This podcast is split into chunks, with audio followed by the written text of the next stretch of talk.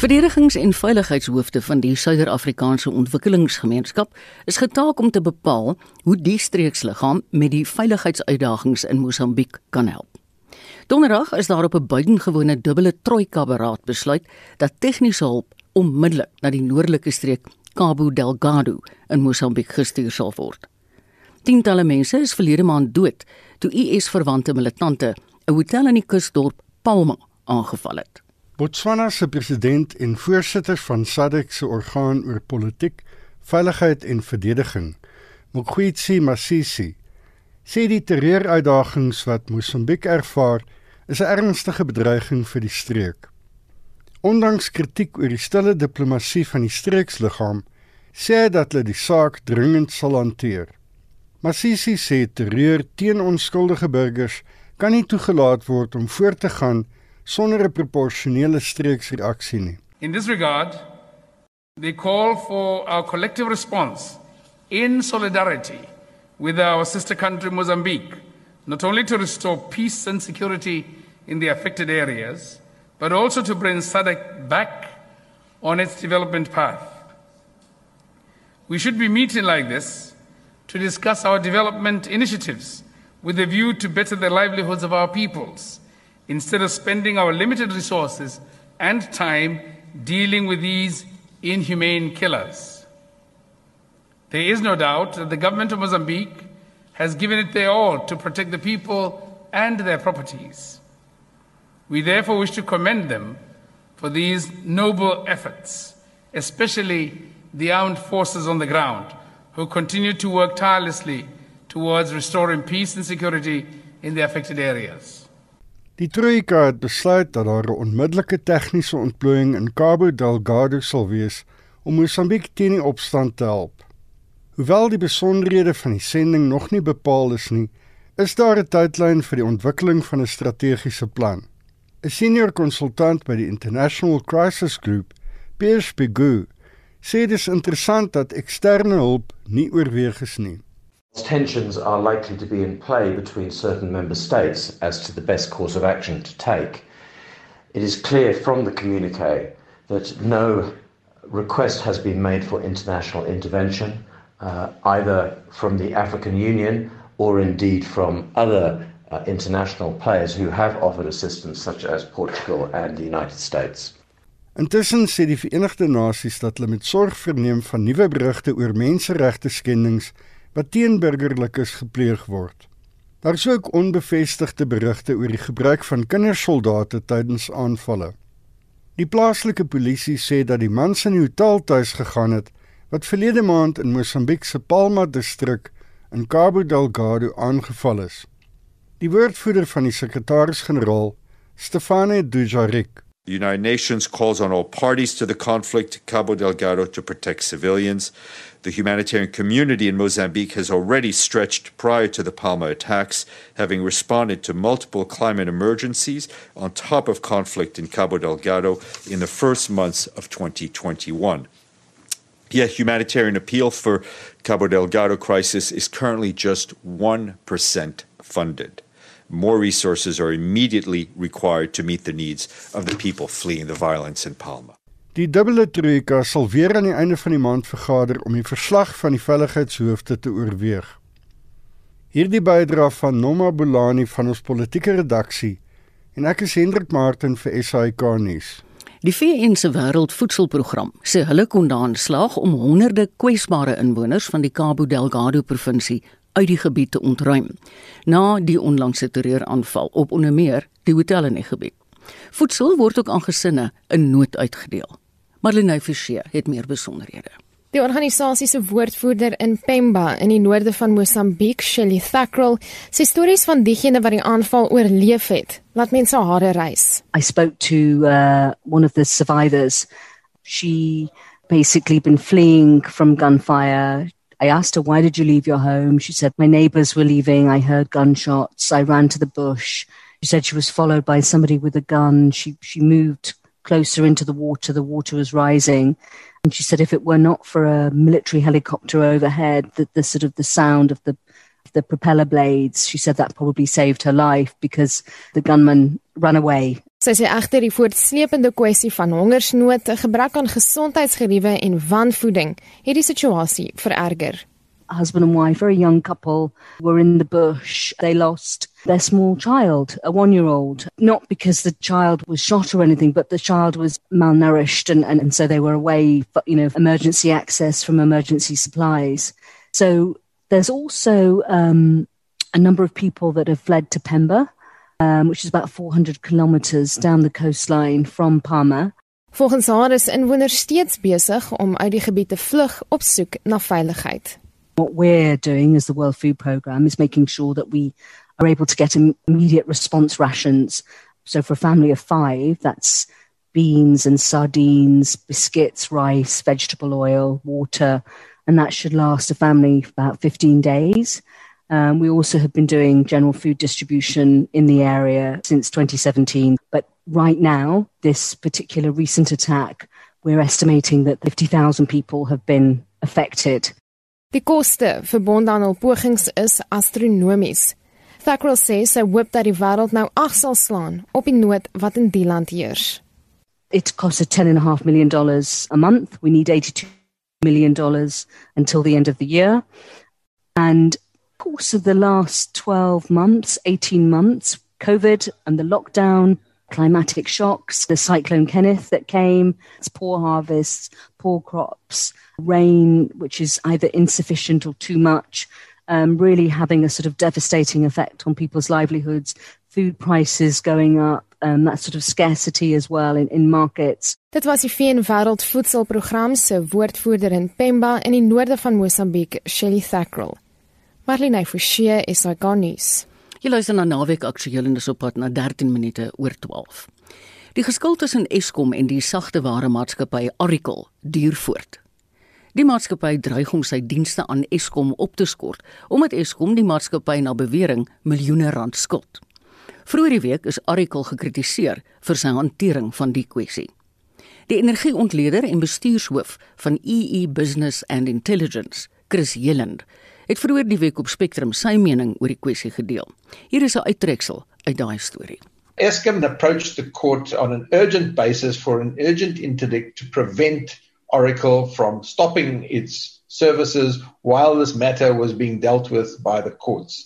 And it painted a very dire picture national blackout, chaos, and mayhem, uh, and really uh, kind of the end of electricity in South Africa as we might know it. The lights have not gone out. I do think uh, Oracle's actions are reprehensible. They are bullying, they are holding the country to ransom. Instead of resolving the dispute in the normal way, Eskom's problem, on the other hand, is they seem to have overplayed their hand and cried wolf, which is not uh, a good thing because it reduces their credibility in the eyes of the public. It damages Eskom's reputation and credibility. They initially claimed that uh, Eskom owed them 7.3 billion rand. And in a short space of time, some negotiations by Eskom, this was whittled down from 7.3 billion rand to 400 million. It's a very different sum of money to 7.3 billion. So I think that gives an indication that perhaps Oracle are not acting in good faith Dit was die energieontleder en bestuurshoof van EE Business and Intelligence, Chris Heland. Hierdie kwessie bly onder ons vir groot klas en vir sy mening sluit die energiekenner Ted Blom by ons aan. Goeiemôre Ted. Haai, goeiemôre. Presies watter dienste verskaf Oracle aan Eskom? OK, ehm um, hulle verskaf 'n klomp modules aan Eskom. Hulle het kernmodules en dan uh, las hulle ander um, uh, submodules aan om die verskeie dienste te te lewer. So ek kan net 'n voorbeeld kan gee. As uh, met hulle kontrakte met die banke het hulle die kernmodules en dan hulle sparingsrekeningsmodules, checkrekeningmodules, uh deposit modules, uh ATM modules en dis meer. So dis min of meer wat hulle by Eskom ook het. Het die ehm um, verkope van elektrisiteit, die prepaids, hulle het die rekeninge kant van Eskom, hulle het die ehm um, die beheerstelsels van die kragstasies uh, uh module en dan er ook die die die vraglading of die uh, energy availability uh, um, modules en dis meer. So is, is dit gaan reg tot die kern van Eskom se bedrywighede. Dit stem jy saam met Eskom dat kragvoorsiening in duie kan stort sou Oracle sy dienste opskort. Absoluut. Ja. Hm. Nou ons weet almal, die kragvoorsiener het nie geld nie. Hoe bered 'n mens so 'n kwessie? Uh, maar jy het die die gedeelte wat uh, mense nou lyk like my nie opbring nie, is dat hierdie geskok om al 'n lang pad. En my siening is as jy 'n uh, uh, uh, kritiese verskaffer het, dan maak jy seker dat jou verhouding met daardie mense ordentlik uh, in stand gehou mm, word. Mm. Dis een ding. Die tweede ding is as jy kontrakte met die mense sluit, dan moet jy tog vaardighede hê om te sien wat is die impak van hierdie kontrakte.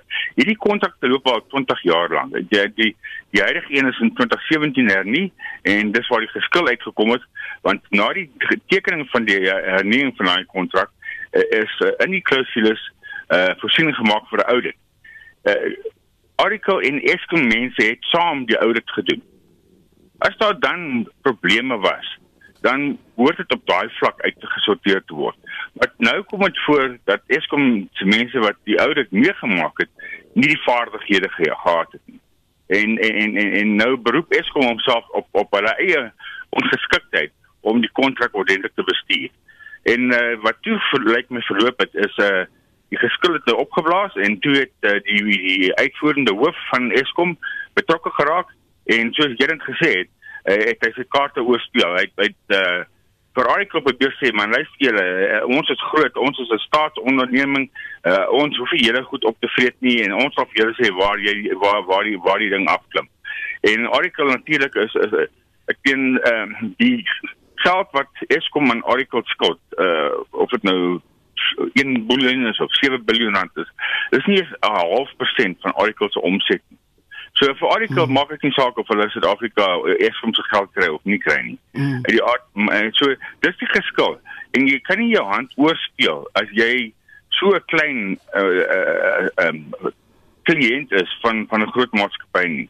Ehm um, en, en dis waar ek dink die die uitvoerende hoof die houding wat hulle met Oracle uh, uitgespel het. Dis presies wat hulle met ons die mense maak uh, as jy nie wil uh, as jy uh, um, navraag het of wat ook al dan sny jy jou af en sê betaal eers en dan uh, weet ons kan ons gesels. En en dis dis deel van die kultuur van Eskom om om daai houding uit te voer. Ek het nou met boere. Hulle hier is boere wat nou 3 3 4 weke afgesny is deur Eskom en uh, Eskom weier om die krag weer aan te sit. Daai boere slag 55000 hoenders elke liewe dag van 5 voor 4 in die uh, 5 voor 3 in die oggend waar daar nie sonpanele is nie wat werk nie. En, en Eskom weier om my boere weer aan te skakel. Uh dis 'n gemors. Ek weet daar het ook nou op generators en allerlei goed. So dit gaan na die kultuur van die organisasie. Dit lyk my die uitvoerende hoof het nou hy hy wou die kultuur van Eskom verander, maar dit lyk my Eskom met sy kultuur verander om so op te tree teen hierdie groot maatskappy. Nou saam met hierdie kwessie is daar ook nog 'n klagte teen Eskom by die polisie ingedien. Ted, wat ja. is die finansiële impak van al hierdie sake op Eskom wat al klaar nie die massa opkom nie? OK, so die praat jy van die kriminele klag wat ja. ingesit. Mm. Ja, die die vakbonde. Mm.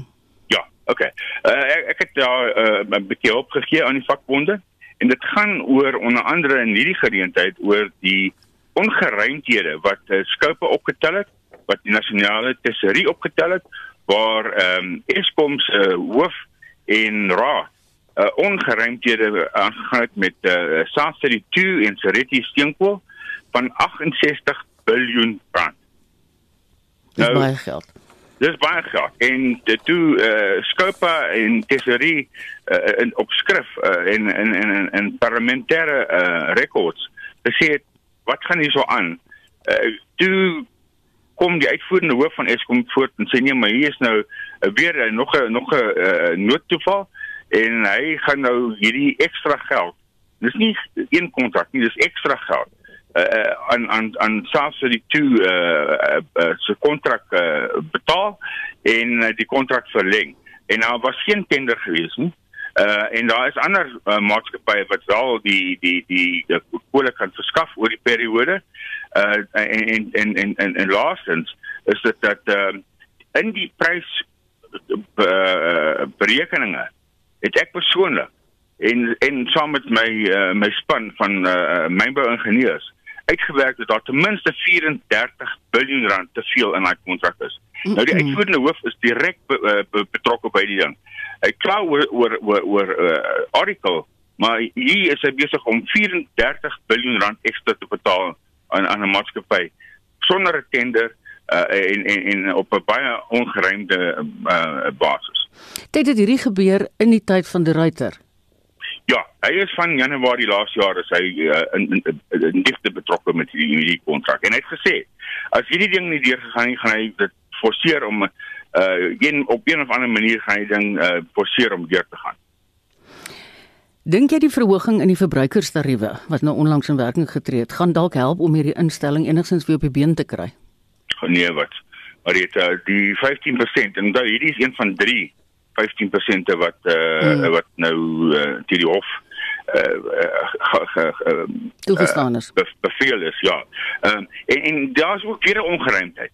Uh ehm um, uh, Eskom het aansoek gedoen. NERSA het dit teëgestaan. Uh Eskom het toe hof toe gegaan. NERSA het die verantwoordelike offisier uh, geskuif en 'n nuwe offisier ingesit wat nie uh uh ehm uh, uh, defense in Afrikaans. Uh, uh geregistreer het by die hof nie. So Eskom kry toe 'n default judgment, mm -hmm. so hulle sê. Mm -mm. -mm toe ek begin geraas maak daaroor want dit is heeltemal ongeruim. Uh toe sê nurse nee maar hulle gaan 'n nou appel aanteken. Maar jy kan nie appel aanteken as jy nie defense uh in die eerste hof in ingedien het nie want waar op watter gronde wil jy uh, appeleer? Ja ja ja. So dis weer eens uh, ek dink 'n geknoeiery tussen Eskom en en NERSA in hierdie geval. Wat 'n massiewe dis 'n as jy dit optel, ek weet dis uh, 69 miljard rand se ongeruimthede. En en ek dink nie dis gesond dat Eskom en die reguleerder aan dieselfde ministerie behoort nie. O ja, ek verstaan dit sal beter wees as hulle verskillend is. Ted baie dankie vir jou tyd op 'n Saterdag. Dit was die energiekenner Ted Blom. Nou vir nog 'n perspektief op hierdie onderwerp. Gesels ons met een van Media 24 se energieskrywers, Antonet Slabbert. Goeiemôre Antonet. Goeiemôre Marita. Wat is jou indrukke van hierdie Eskom Oracle debakel? Marita, ek dink hier is 'n groter uh, kwessie ter sprake wat nie net by Eskom eh, 'n uh, probleem is nie, maar maar reg deur ons staatsdiens. En dit is dat daar groot maatskappye kom wat gekontrakteer word om om jy weet ek wil amper sê die beenmurg van 'n organisasie te verskaf. Daai stelsel wat die kern van van daai organisasie is en waarsonder hy nie kan funksioneer nie. En dan raak die twee so verweef dat die die die staatsinstelling nie van daai diensverskaffer kan ontslaa raak as daar 'n probleem is nie. Ons dink byvoorbeeld aan Eenates. Ek weet nie of jy kan onthou en of die luisteraars kan onthou wat 'n gesukkel dit was vir die departement van vervoer om beheer te kry oor die Eenates stelsel nie. Mm. Dit was jare se hofsaake en ek weet nie of hulle nou nog of hulle nou al behoorlik jy weet herstel het en en behoorlik in beheer is van Eenates na die departement uiteindelik beheer gekry het nie.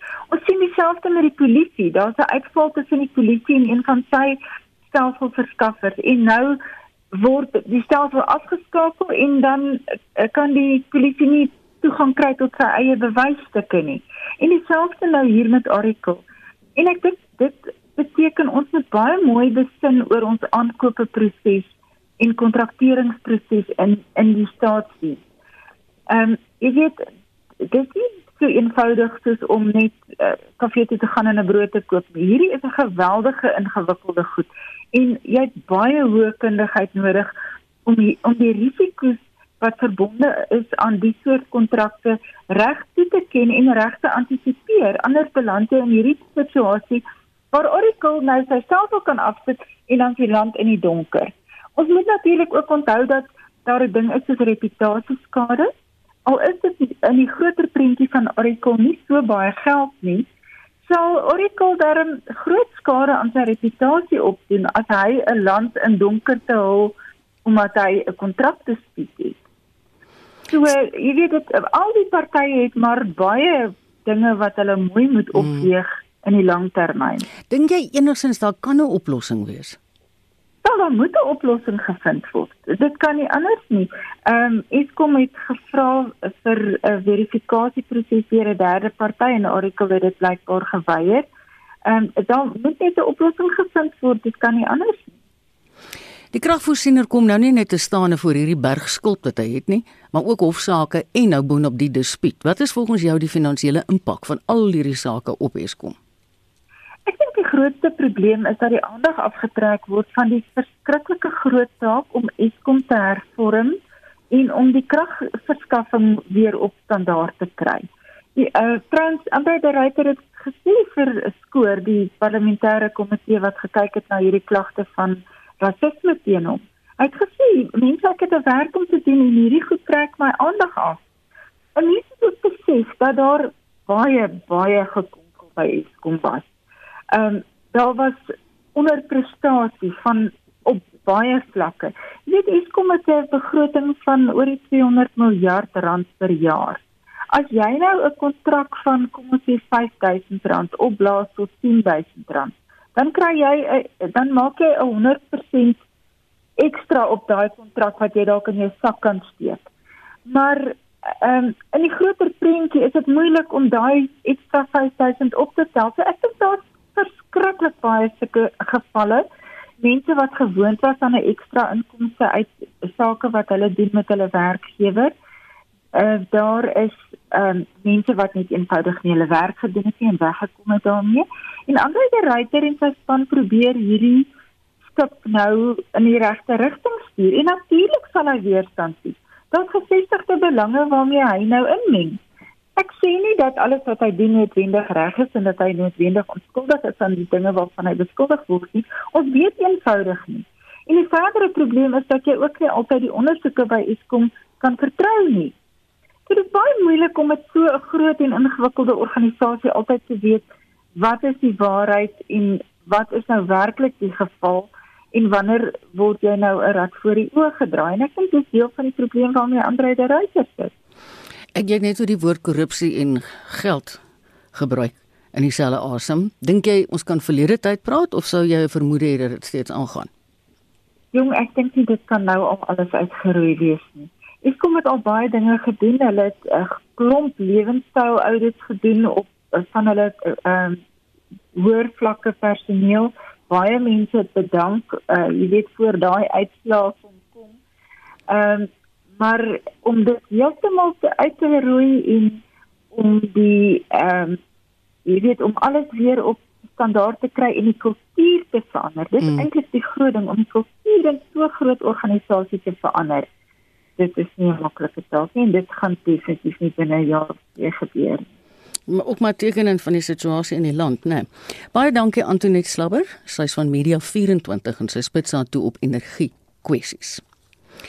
Ek onthou hierdie onderhoud wat ons nou vir julle gaan uitsaai en dit is die dak netwerk wat hom beywer het vir voorheen agtergeblewe Afrikaans sprekende gemeenskappe wat 'n griepskrif aan die Universiteit Stellenbosch oorhandig het om sy ontevredenheid met die universiteit se taalbeleid te onderstreep.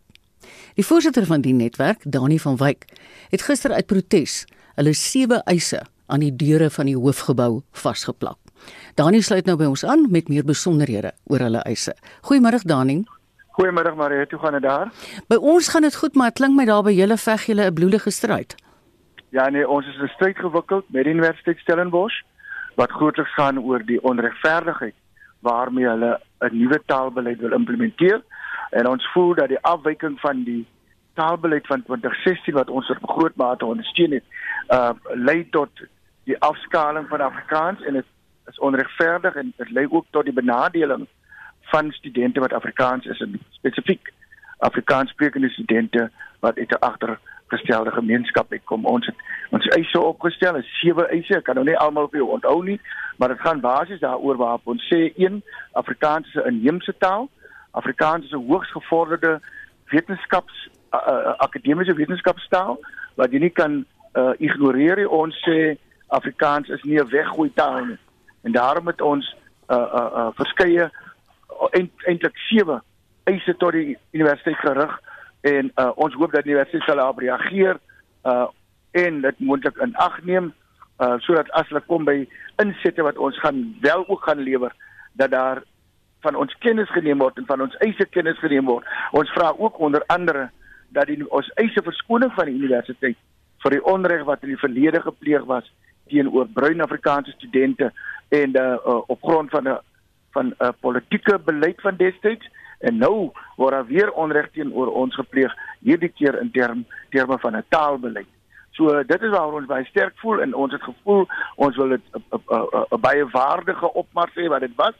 Uh die leierskap was geklee in akademiese drag en ehm um, dit was 'n baie baie goeie uh op opmars wat ons gehad het en daarom het ons besluit om nie net slegs ons eise skriftelik aan die universiteit oorhandig nie, maar ook op die deur van die van die hoofingang aan te bring sodat daar kennis geneem gaan word dat die verandering wat ons vereis byna soos Martin Luther destyds sy 95 stellings aan die kerkdeur aangebring het. Dit was maar nou meer die idee, dit was 'n grootlik simbolies van aard en uh, ek ek dink dit het baie goed afgekom. Ek het gehoor jy het gister vir uh, Susan gesê, blykbaar het hulle gevra vir die rektor aanvanklik, maar omdat hy in COVID afsondering is, het hulle toe gedink hulle gaan dit so doen. Nou wil ek jou vra, was hierdie universiteit of enige van hulle mense met julle siterdien in aanraking? Nee, ons Dr Leslie van Rooyen, uh hy is die direkteur van sosiale impak op die kampus. Hy het dit namens die rektor ontvang want soos jy weet, uh, professor De Villiers is mos nou uh, in afsondering as gevolg van COVID-19. Ons het gesprek gehad uh, op die trappe daar en um, is daar 'n belofte dat ons en dis waar dit een van ons eise ook is dat ons verdere gesprek met die universiteit wil hê. Ons ons wil nie die deure toemaak. Ons hou die deur oop sodat as daar 'n 'n oomblik of 'n tyd kan aanbreek vir gesprek dat die deur steeds oop is. Ons voel steeds dat die dat die universiteit 'n geleentheid moet skep vir uh, ons daknetwerk gemeenskapsmense, mense van die geestelike gemeenskap om rond 'n tafel rond te gesprek te hê, spesifiek te praat oor hoe gaan die nie implementering van Afrikaans as 'n onderrigtaal uh uh, uh bruin studente van veral die platteland benadeel. En daaroor wil ons praat. Dis iets wat jy net kan ignoreer nie. Want ons voel ook dat Afrikaans uit uit te skakel beteken nie noodwendig dat jy dat jy mense van 'n ander groepering uitskakel nie. Ek dink die implementering van Engels daai is 'n bewyse waar hulle op baie van ons gaan uitskakel uh, in terme van van van die taalkwessie. Ons voel ook dat dak is nie gekant teen transformasie nie. Ons vra ook nie dat die Universiteit van Stellenbosch weer 'n Afrikaanse universiteit moet word. Ons sê net gee Afrikaanse geleentheid om om om 'n bydrae te lewer tot die tot die ontwikkeling van ons mense. Uh jy sal weet maar Stellenbosch het onlangs 100 100 jarige bestaanjaar gevier en ons voel byna 99 of of, of, of in, in daai omgewing jare was die universiteit tot 'n hoogs uh, uh, ontwikkelde akademiese internasionaal erkende instelling gebou deur Afrikaans. Jy kan nie nou Afrikaans net eenvoudig verwerp en uh, asof die taal geen bydrae gelewer het in hierdie geval tot die ontwikkeling van die universiteit nie. Baie dankie Dani, dit was die voorsitter van die DAK netwerk, Dani van Wyk. Die universiteit het in reaksie op die betoging gesê Hulle stel die insette van gemeenskappe oor hulle taalbeleid op prys. Die beleid maak op die oomblik voorsiening vir leermateriaal in Afrikaans sowel as Engels. Sommige studente beweer dat hulle berispe is omdat hulle Afrikaans in die koshuise en op die kampusterrein gepraat het. Die senior direkteur van sosiale impak en transformasie, Dr Leslie van Rooi van wie Dani ook gepraat het, sê die raadplegende proses oor taalbeleid sal tot Julie voortduur vandag by die universiteit. Dit is fantasties dat hulle besluit het om hierdie manier hulle stem te laat hoor. Ons het ook voor die protes vandag gesels en ek sien daarna uit om ook na die week van die 12de verder te gesels. Dit gaan oor taal, dit gaan oor kultuur, dit gaan oor uh, die plek van mense binne hoër onderwys. So dit is 'n gesprek wat ons moet hê. Die universiteit het doelbewus gekies om 'n publieke proses te volg rondom ons taalbeleid. Die konsepbeleid is ook vir kommentaar in eerste ronde tot uh, maandag 12de en daarna sal dit binne die strukture van die universiteit verwerk verwerk word en herbedink word en dan sal 'n tweede konsep moontlikheid uh, beskikbaar wees teen Junie Julie waarna die publiek weer kommentaar sal kan lewer. Ons hoop uiteindelik om teen die einde van die jaar die nuwe beleid in plek te hê. Maar dit is doelbewus deelnemend in publiek en dis juis om 'n taal so belangrik is, om 'n taal 'n merker is wat ons identiteite raak en omdat dit iets is wat ons wil hê mense moet aan deelneem en kommentaar lewer. 'n Onderwysstudent, George Jonker, sê die taalbeleid is 'n moeilike balanseertoertjie. Ja kyk, meeste van ons klasse word in dubbel medium aangebied. So dit is Afrikaans en Engels, maar die meerderheid is Engels. Ehm um, daar word wel Afrikaanse vertalers aangebied in klasse, maar dit is nie dieselfde as Afrikaanse lektor wat vir jou woord vir woord kan verduidelik nie. Ehm um, en daar is maar goed wat jou aandag kan aftrek. Ehm um, as die lektor praat en dan nog 3, 4, 5 vertalers. En is nog 'n gesukkel want dan moet jy met ander tale, ek wil amper sê in kompetisie wees, nie heeltemal so vir kompetisie nie, maar elkeen veg maar vir sy eie geregtigheid ehm um, op taal van onderrig. So dit dit hang af van van van lektor tot lektor, maar dit is baie moeilik om om almal se um, se noodsaaklikhede in, in gedagte te hou. Die universiteit sê ondersoeke is aan die gang na die beweringe dat studente belet is om Afrikaans in openbare plekke op die kampus te praat. Die Menseregte Kommissie ondersoek ook die saak. Hierdie bydraes met hulp van Tandis Formau in Kaapstad saamgestel.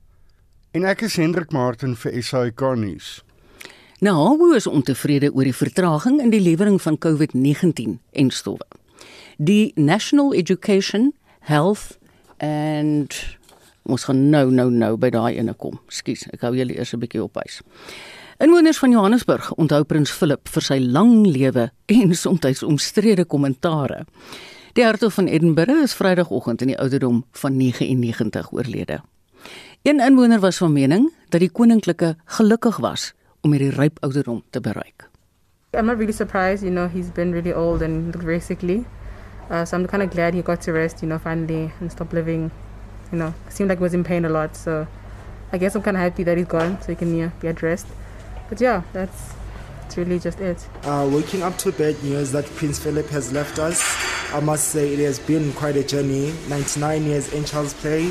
No one ever gets to reach 99. In as much as we're not ready, but I just think God has been good, hey, to keep Prince Philip through all the ups and downs. You know, our heart is being saddened by the death of the prince but you know the old man has lived and but it's a great loss but uh, we just wish the family you know our condolences you know that they may be comforted Bradley Westcott 'n Engelse burger wat in Suid-Afrika woon het prins Philip onthou vir sy reputasie dat hy sommiges met sy kommentaar laat lag het en ander van verleentheid laat ineenkrimp het. I mean he's 99 I think he had a he had a pretty good life. He did a lot of cool stuff. He had some funny opinions and said some pretty outrageous things. I'm sure there's going to be a lot of people that really miss him. Um, I know, you know, the, they were married for like over 70 years, him and the Queen. So that's that's pretty epic.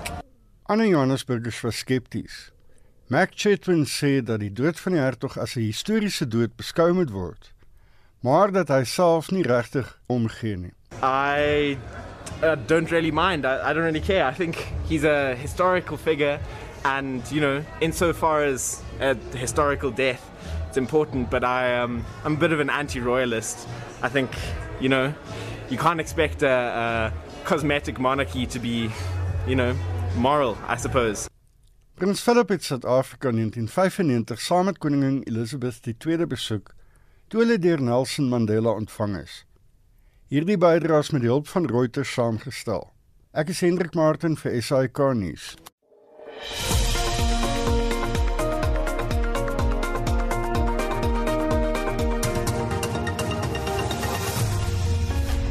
Jy luister na Naweek Aktueel dis 20 voor 1. Die Proteas is vandag weer in aksie teen Pakistan terwyl die wêreld se voorste golfspelers op Augusta slaags is. Pieter van der Berg is ons sportman. Hallo Pieter. Middag sê Marita. Die eerste major golftoernooi van 2021, die Amerikaanse Masters, se tweede ronde is nou afgehandel. Hoe staan sake by die halfpadmerk? Ja, Justin Rose het 'n uitstekende voorsprong van 4 houe gehad na die eerste ronde. Hy was op 700 syfer. Nou hy het 'n 72 aangeteken in die tweede ronde. Is gelyk aan syfer. Dit beteken hy steeds op 700 en uh, daardie voorsprong van hom het nou gekrimp na net een hou. Brian Harmon en Will Zalatoris, hulle is daar op 600 syfer gesamentlik tweede. Dan Mark Leishman en Jordan Spieth, hulle is op 500 met ander woorde 2 agter uh, uh, Justin Rose. Dan Charles Schwartzel, hy is die besgeplaasde Suid-Afrikaner. Hy is 32ste op 1 oorsyfer en dan is Chris Christian Besuidnout en Louis Oosthuizen beide daar op 2 oor syfer dis die gesamentlike 40ste plek. Die afsnypunt of die kwalifikasie was op plus 3 gewees wat beteken dat Dylan Fratelli nie aan die laaste twee rondes sal deelneem nie. Die oorblywende 47 spelers, hulle pak mekaar dan later vandag in ronde 3 daar op Augusta. En dan in vroue golf is die Kaapstad Ope afgehandel. Mennen Gadalbi van Frankryk het daar gesê vir met Kana Corley van Suid-Afrika in die tweede plek en Leon Leithwaite sy uh, is ook van Suid-Afrika sy derde geëindig. Ek het gisteroggend 'n monitor gehoor jy verwys na die oorseese rugbywedstryde, maar jy het ook gepraat van die Varsity beker rugbyreeks. Ja, die Waasdebeker, daar is vyf wedstryde geskeduleer vir môre en dit is 'n uh, Antjies wat in New Jersey sal speel om 2:00 die middag, 3:00 is dit die Universiteit van die Wes-Kaap teen die Madibas, dan CUT en Semelas met kragte om 4:00, om 5:00 is dit uh, Noordwes Universiteit teen Tikkies en Maties en Wits, hulle met kragte môre aand om 7:00. En dan in Australië se binnelandse reeks is dit uh, die Western Force wat die enigste 3 van die wedstryd gedruk het teen die Rebels en die Force wen daar met 16-15. Op die oomblik speel die Queensland Reds teen die Brumbies en baie verrassend is die Brumbies daar voor met 12-6. Onthou die die Reds het nog glad nie 'n wedstryd verloor hierdie seisoen nie. Mm. En dan verloor vanoggend in die Seeland se Autorea reeks het die Highlanders pak gekry op hulle tuisveld. Die Chiefs was baas geweest met 26-23 en dan môre speel die Hurricanes teen die Crusaders, maar het dan daardie wedstryd begin om 25 minute voor 6 môreoggend. Jy weet ons het so styf dam vasgehou laas toe Pakistan die die eendag cricketreeks in Suid-Afrika met 2-1 ingepalle met. Uh, maar ja. vandag begin die 220, né? Nee. Ja, jy's reg die T20 reeks. Dit bestaan uit 4 wedstryde. Dit begin vanmiddag die eerste een en dan op die Wanderers in Johannesburg en dan die wedstryd sal om 0:30 begin. Die tweede een sal maandag gespeel word. Dan intussen het uh, eh, KSA bekend gemaak dat ons sonskaptein Temba Bavuma sal wees. Hy het 'n duispierbesering opgetel en dit is um, Heinrich Klaasen wat sal oorneem as kaptein daar. Dis natuurlik 'n verdere knou vir Suid-Afrika wat reeds 'n paar spelers mm. aan die Indiese Premier League afgestaan het. Maar uh, die voorste spelers gepraat van daardie wêreld die Indiese Premier League, die uh, groot name in wêreld cricket. Hulle is natuurlik daar in aksie. Gister is die eerste wedstryd gespeel gewees. Dis die Royal Challengers Bangalore wat 'n oorwinning van 2 paadjies behaal het oor die Mumbai Indians. Dan vandag speel die Chennai Super Kings om 4uur en dit sal wees teen die Delhi Capitals. Ja, en daai is groot geld. Motorentoesiaste sit hierdie naweek maar 'n bietjie droë mond of hoe? jy is so reg. Ja, hierdie naweek is al die spanne neem so 'n bietjie ruskans en aanstaande naweek is daar weer MotoGP en Formule 1 aksie. Die Portugese MotoGP sal aanstaande Sondag in Portimao en daar in Portugal gejaag word terwyl die uh, Emmanuel Magna Formule 1 Grand Prix ook aanstaande week sal plaasvind en dis op Imola daar in Italië. Wow, Imola. Tennis het nou begin skuif na kleibane toe en ek hoor daar's toernooie in Spanje en Kolombie, is dit reg? Ja, die mans is daar in by die Andalusia Ope in Spanje in aksie nou in die kwartfinale. Het uh, Carlos Alcaraz sy oorwinning van 6-2 en 6-4 behaal oor Casper Ruud en Pablo Carreño Busta het 'n maklike oorwinning behaal oor Sung Woo No. Die telling daar 6-4 en 6 stroop. Die ander twee manne deur na die halffinale toe is Jahom Manar en Albert Ramos Vinolos. En dan wat vroue uh, tennis aan betref Marietta, dis die kleibaan aksie in Kolumbie. Nou die vier vroue wat deur is na die halfeind toe, is Harmony Ten, uh, Victoria uh, Tamova en dan ook Osareo Serrano en die laaste een is Tamara Sidianek. Hmm. Gisterand was daar sokkeraksie in Engeland, maar ook hier by ons, is né? Nee. Ja, die Engelse Premier gaan een wedstryd gisterand wat daar gespeel was, Wolverhampton Wanderers het 'n wegoorwinning van 1-0 behaal oor Fulham en dan in die DStv se Premier League reeks hier in Suid-Afrika het AmaZulu ook 'n wegoorwinning behaal van 1-0 oor Stellenbosch. Vandag speel Cape Town City om 3:00 teen SuperSport United en dan 'n bietjie later om 5:00 Galaxy teen Chakuma. En dan in Engeland twee wedstryde maar het daar nie drie. Man City teen Leeds United om 0:30, Liverpool en Aston Villa met kragte om 4:00 en dan Crystal Palace en Chelsea sal om 0:30 vanaand op die veld draf. Dan vanmiddag om 3:00 is natuurlik RSG Sport wat saam met Jody Hendricks begin en ek sal maandagooggend in Monitor sal ek oor die naweek se uitslae gesels. Baie dankie Pieter. Dis ons sportmedewerker Pieter van der Berg. En in sy weeklikse motorrubriek van ehm um, Wesel Pretorius meet hy 'n Suzuki teen 'n Honda.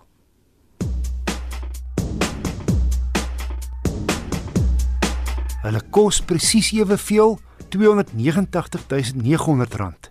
Die Honda WRV 1.2 Comfort en die Suzuki Vitara Brezza 1.5 GLX. Albei kruisvoertuie wat hoër staan as 'n gewone luikrig, vervaardig in Indië. Ewe lank teen 'n knerts onder 4 meter. sien 'n lengte van minder as 4 meter hou belastingvoordele in daar in Indië. So, hoe weeg die twee te mekaar op? Albei kom met 16 duim alloy wiele en vir daai gewilde sportnuts voorkoms swart plastiek om die wielbo en skuurplate aan die onderkant voor en agter, hoewel albei net met die voorwiele trek. Voorkoms is 'n subjektiewe saak, maar na my mening is die Suzuki bloot generies gestileer terwyl die Honda se voorkoms so 'n tikkie interessanter en aantrekliker voorkom.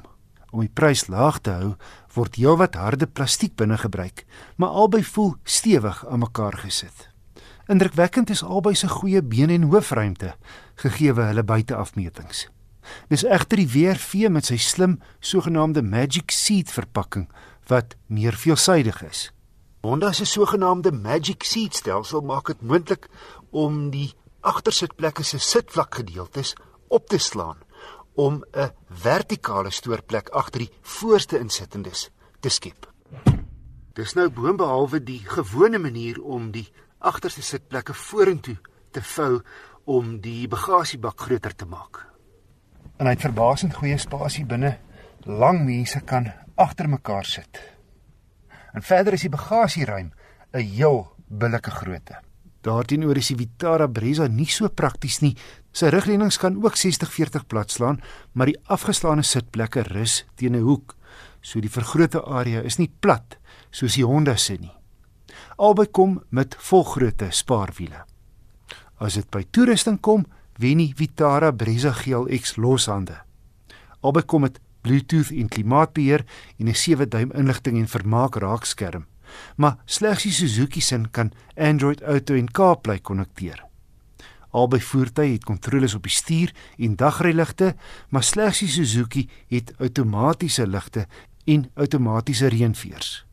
Ander Vitara Brezza kenmerke waarsonder die Honda klaarkom is 'n leerstuur, toevoubare spieëls, togbeheer, sleutellose toegang aanskakeling met die druk van 'n knop en 'n verkoelde paneelkussie. Trouwens, mense sou dink die Suzuki is in 'n ander klas, maar onthou, hy is dieselfde geprys as die Honda WRV. As ons kyk na veiligheidskenmerke, is dit egter die Honda wat beter vaar. Albei het Isofix kindersitplek ankers, maar die Suzuki gee vir die agterste passasier in die middel net 'n skootgordel. Ongelukkig geen sprake van elektroniese stabiliteitsbeheer in enige van die twee nie.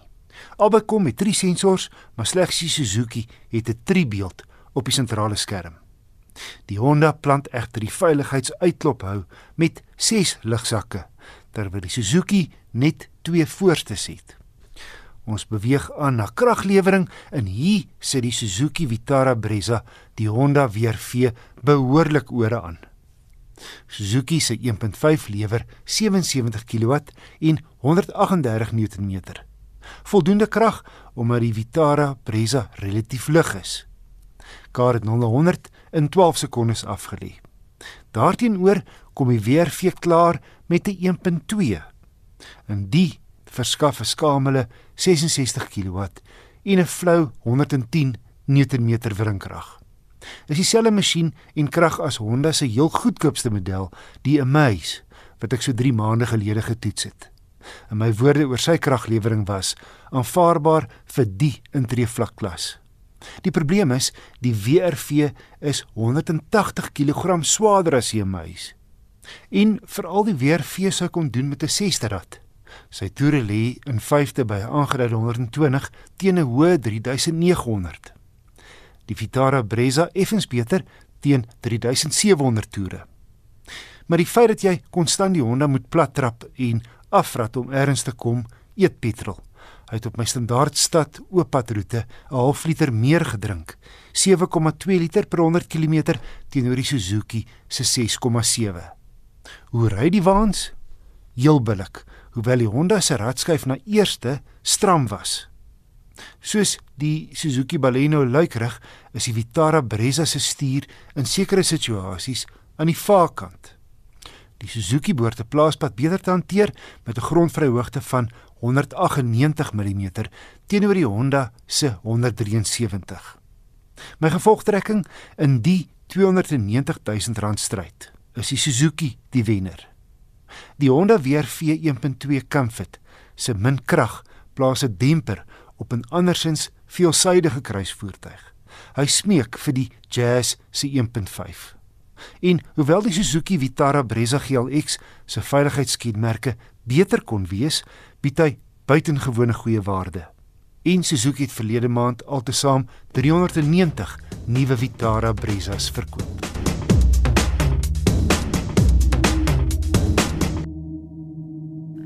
Kommer oor die onverklaarbare vrekte van honderde voëls in die Oos-Kaap neem toe. Verskeie gebiede in die provinsie word hierdeur geraak en die oorsaak word nog ondersoek deur dooie voëls na laboratoriums te stuur. Veral woongebiede in die omgewing van Buffalo City se metro word geraak. Ons praat nou in Engels met die omgewingskenner Neville Gaines van Neville's Snake and Reptile Rescue. Hy het eerstehandse ervaring van hierdie gebeure. Good afternoon Neville. Hi, good afternoon. You have first-hand experience of these deaths. What have you seen so far? Okay, uh, since the second week of March, um, we started off with pigeons and doves. So, so it, it, has moved on now to other birds as well. It's the egret, sacred ibis, chicken, geese, guinea fowls, quails, starlings, and aridas, and uh, and it's just spreading rapidly. And how far and wide is it spreading? Okay, it's uh, in King Williamstown. Uh, so far in King Williamstown, it's 102 birds. It's London 34, uh, and Berlin is four, and Queensbury Bay there's one. Richard there's one. In PE now there's 34 as well, and uh, and we have sent the test uh, birds out for testing, but we, unfortunately the results are not back. Yet. Oh, okay. Do you think it's contagious? It's contagious to birds uh, at the moment, but Oh. to human, we're not sure as yet. That is why we're taking the precautions of not to touch them, handle them. If you have to, then you've got to use surgical gloves, disposable gloves, Right. and a mask. In other words, human beings or people are to avoid dead birds. Avoid them totally. Yes. The cause of this phenomenon is being investigated, but there are those saying the birds might have been poisoned. Your work with reptiles and snakes, and that is on a daily basis. What is the impact of something like this on reptiles in the province? Okay, if a reptile manages uh, happens to eat a bird, that that's been the, if it, if it was poison, but so far we rule out it's definitely not poison Oh, because of the numbers and the spread of it. So if it's a virus, which we don't know as yet, Oh. or a disease, we, we'll have to wait for test results. But it can have a very negative impact Of on course. reptiles and animals as well. Yes. Yes. Neville, would you say at the moment only in the Eastern Cape? At the moment, yes, in the Eastern Cape, uh, we didn't. I didn't hear, or we didn't hear any reports from other provinces. But so far, it's the Eastern Cape. Why? Okay, what should people do when they come across these dead birds? Okay, firstly, the, the symptoms eh, of the birds that they can identify easily is that the loss of balance, inability to fly, Uh, they are uh, puff, puffed up, like a puffiness, they have a high fever, labored breathing, and they're very tame. Basically, you can actually pick them off the ground, and they, they should uh, avoid that because it's soon after that they just die. uh, And and basically, they, they shouldn't touch them. They, if they have to, gloves, very important, or they can call the, uh, the, the local SPCA and try and get them removed rather. it sounds very much like rabies. Uh, it's hard to say right now, uh, but we, we just have to wait for test results. Just like. Thank you so much Neville. Dit was die omgewingskenner Neville Gaines. Dis baie ontstellend want ek meen dit kom sommer so van nêrens af nie. Vroeger die week het Cape Nature hom skerp uitgespreek teen die gebruik van voertuie op strande in die Oeverbergstreek in die Wes-Kaap. Die instansie sê die voertuie verwoes delikate elemente van sensitiewe habitatte. Nog 'n groot bedreiging is honde wat sonder leibande op strande losgelaat word. Maar die Nufusee berig dat honde een van die redes is hoekom sekere strandvoëls nie meer op verskeie strande in die Kaapse Skiereiland voorkom nie. Anton Odendaal, verbonde aan BirdLife Oeverberg, sê veral swart tobies en vals strandkiewiete word deur die aktiwiteit bedreig. Dit is twee van die drie spesies in Suid-Afrika wat op die strand broei. Hulle broei gewoonlik bo die hoogwatermerk en 'n mens sou aanbeveel dat mense dan op die nat sand, met ander woorde onder die hoogwatermerk moet loop, veral in in die laat lente en en somer wanneer hierdie voeltjies broei. As jy net kyk na die Skiereiland, is die valstrandkiewiet al reeds nie meer teenwoordig nie op 6 strande. Daar kom geen 4x4 voertuie op daai strande. Die grootste probleem is verstoring deur mense Met ander woorde, te veel mense op die strand, mense wat nie weet wat aangaan nie, maar dan veral honde. Hy praat hier veral van honde wat nie aan leibande gehou word nie.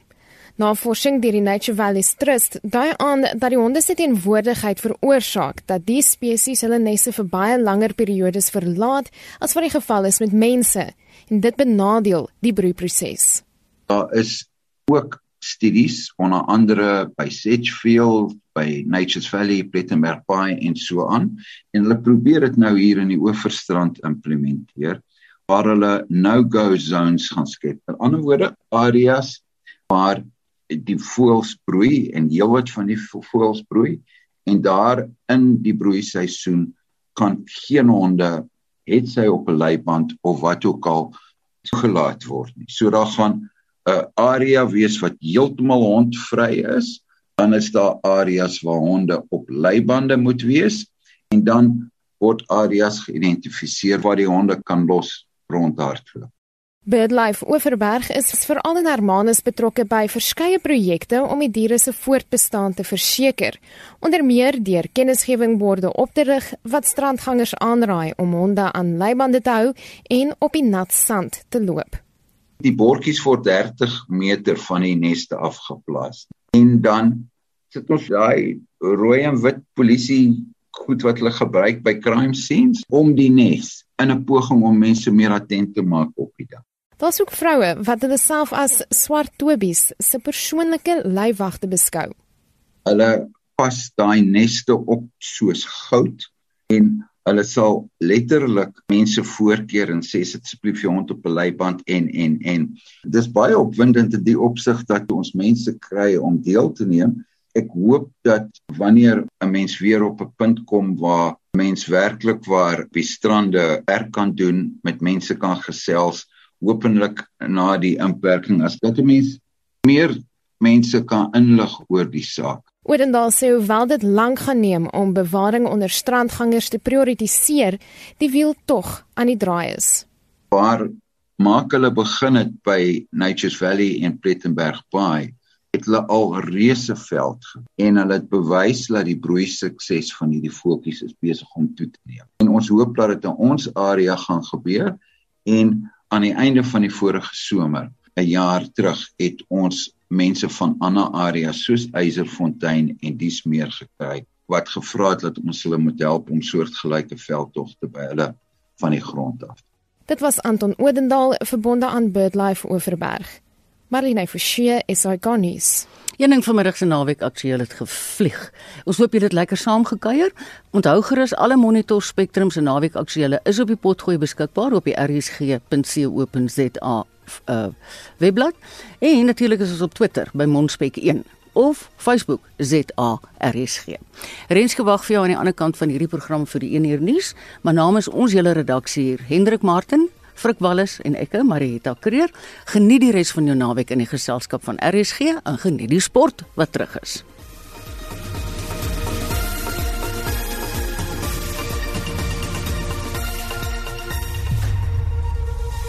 Esai Kahnis, onafhanklik, onpartydig.